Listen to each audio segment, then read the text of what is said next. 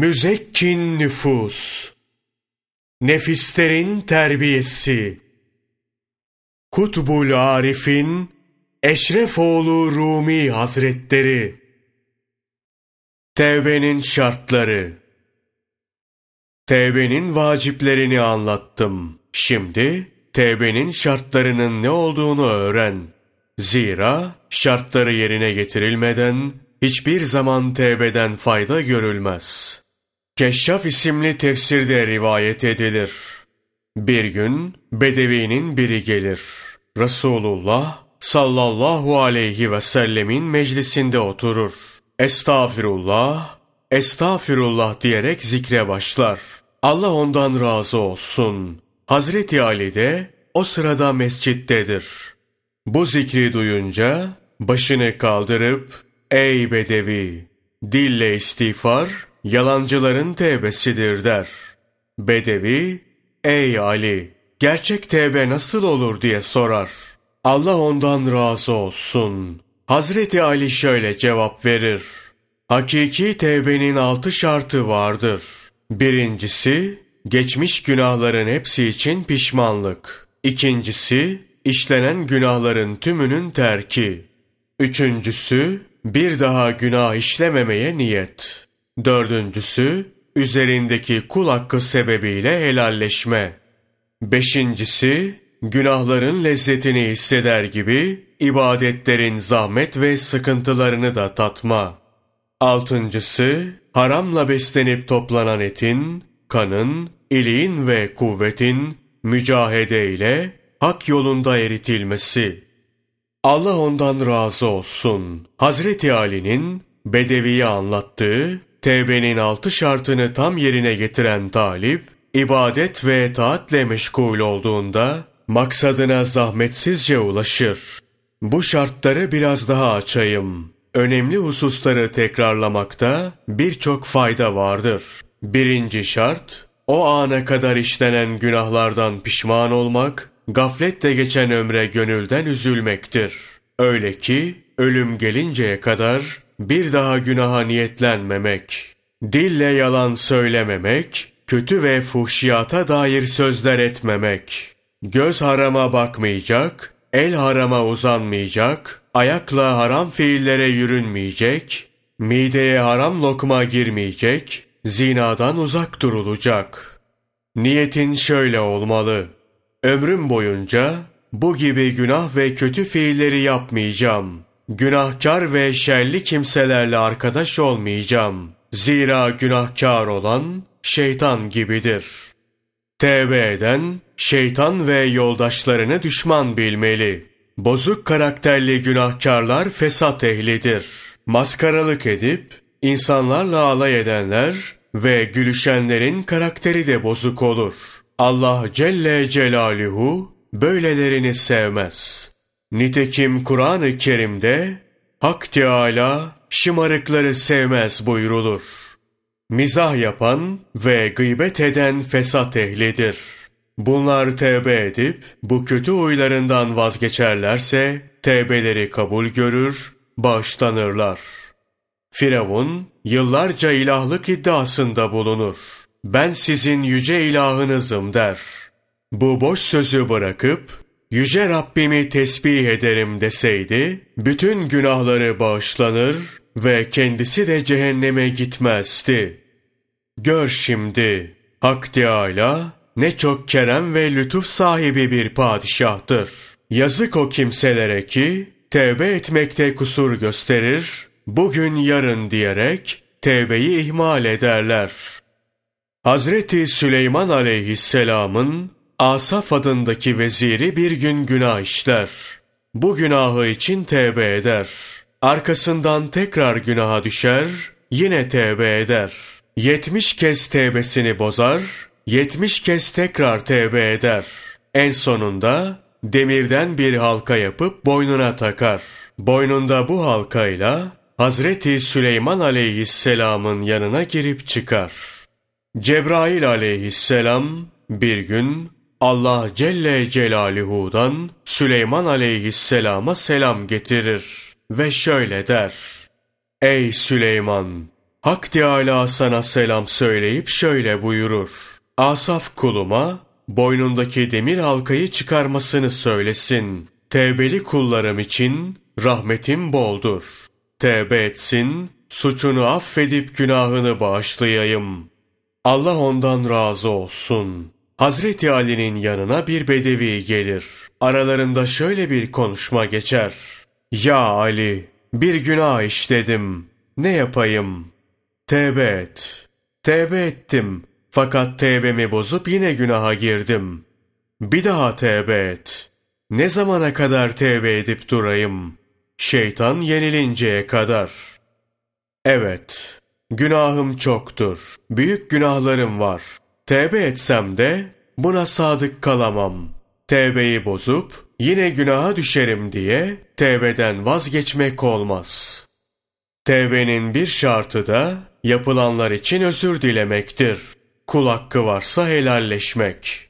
Kişi dövmüş, sövmüş, kötü sözler söylemiş, hatır kırmış, bir şekilde birini incitmişse, fiilinden zarar gören kişiyle yüzleşip helalleşmesi gerekir. Hırsızlık yapmışsa, açıktan bunu ödemesi lazım. Öldürmüşse, ölenin yakınlarıyla oturup, haklarını karşılamak gerekir. Yani, kişinin üzerinde kul hakkı kalmamalıdır.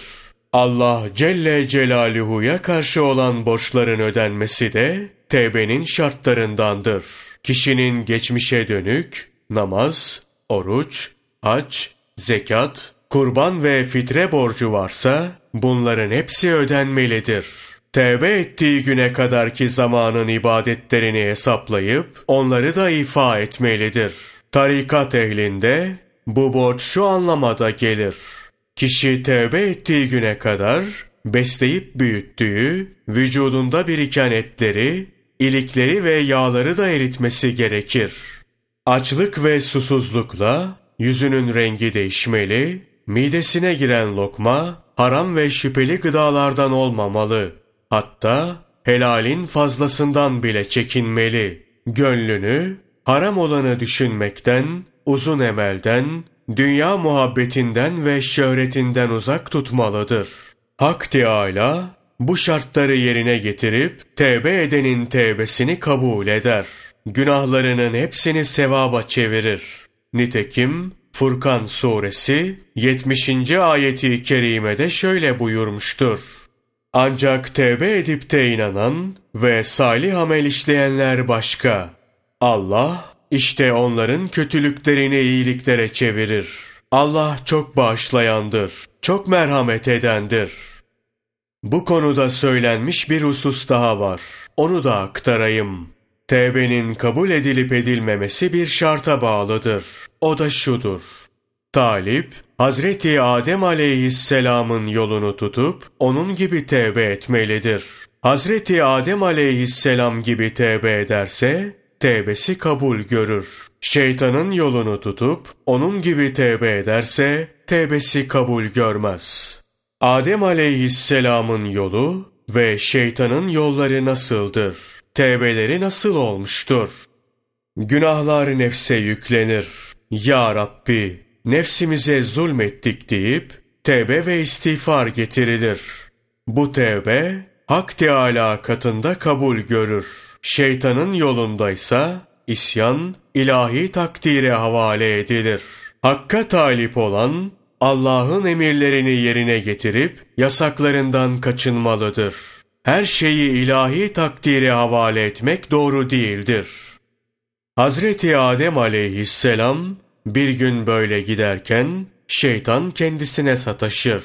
Adem aleyhisselam, ey şeytan bana ve evlatlarıma düşman mısın diye sorar.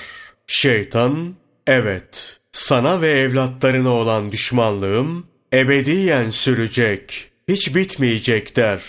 Hazreti Adem aleyhisselamın niçin sorusuna şeytan şöyle cevap verir. Sen de günaha girdin, ben de. Sen de tevbe ettin, ben de. Senin tevben kabul görürken benimki kabul edilmedi. Bunun üzerine Hazreti Adem aleyhisselam melun der. Sen günahını Allah'ın takdirine yükledin. Bu sebeple ebediyen lanetlendin.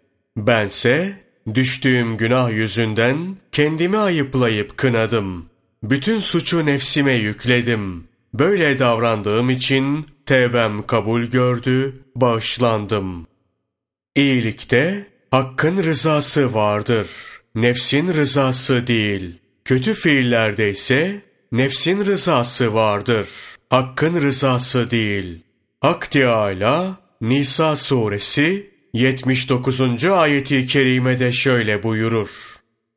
Sana gelen her iyilik Allah'tandır. Sana gelen her fenalık da kendindendir. Madem kötülükte Hak Teâlâ'nın rızası yok, o halde bu gerçekleşsin diye niçin güç kuvvet veriyor? Neden kötü fiiller yapmayı imkanlı kılıyor denirse cevap olarak şunu deriz. Doğrudur. Kula güç ve kuvveti ona fiili yaptıracak kudreti veren Hak Teâlâ'dır. Böyledir. Ama yapılan fiili tercih eden faili muhtar biziz. Elimizde seçme hakkı ve kudretimiz olduğu halde neden bunu iyiden yana kullanmayız? Neden Cenabı Hakk'ın rızasına ve rahmetine müstehak olmayız da seçme hakkımızı kötülükten ve bozgunculuktan yana kullanırız? Hak Teâlâ da rahmet etmeyip gazap eder. Evet, kudreti ve hareketi yaratan Allah Celle Celaluhu'dur. Nitekim Kur'an'da Saffat suresi 96. ayeti kerimede şöyle buyrulur. Sizi de yaptıklarınızı da Allah yaratmıştır. Ama gaflette olan biziz. Yaratılanı kullanma hakkı bizde. Yanlış ve doğru tercihlerimiz ceza ve mükafatı getiriyor. Hak Teâlâ Ahkaf suresi 14. ayeti kerimede şöyle buyurur. İşledikleri amellere mükafat olmak üzere orada ebedi kalacaklardır. Bu konuda söylenecek söz çoktur. Ehli sünnet vel cemaatin, Cebriye ve Kaderiye'nin bu husustaki tartışmalarını yazacak olursak, kitap haddinden fazla uzar. Fakat şu kadarını demek isteriz. Tevbe eden taliplerin kudret ve iradelerini nefyetmemeleri lazımdır. Kendi kuvvet ve iradelerini hükümsüz gördüklerinde cebri olurlar. Cebriye ise şeytanın mezhebidir. Talip, ehli sünnet vel cemaat üzere olmalıdır. Bu yol, Hazreti Adem aleyhisselamın yoludur. Allah ona rahmet etsin. İmam Nesefi, Allah dilediğini siler, dilediğini de sabit kılıp bırakır. Ayetinin tefsirinde şöyle der. Allah onlardan razı olsun. Emirül Müminin Hazreti Ömer ve Abdullah bin Mesud'un hep yaptıkları dua şuydu. İlahi, beni isyankarların defterine yazdınsa onu yok et ve saitler defterinde sabit kıl.'' Zira Kur'an-ı Kerim'inde dilediğini yok edip dilediğini sabit kılacağını buyurmuşsun. Sözün hak ve gerçektir. Onun yaptıklarından sual olunmaz. Ayet-i kerimesinden anlaşıldığı gibi Hak Teâlâ faili mutlaktır. Mutlak faildir. Allah Celle Celaluhu'ya hesap sorulmaz. İnsana düşen ibadet ve taat üzere kaim ve daim olmaktır. İnsan gece gündüz gayret edip yalvarmalı, bir an dahi vaktini boş geçirmemelidir. Bu sebeple erenler şöyle der.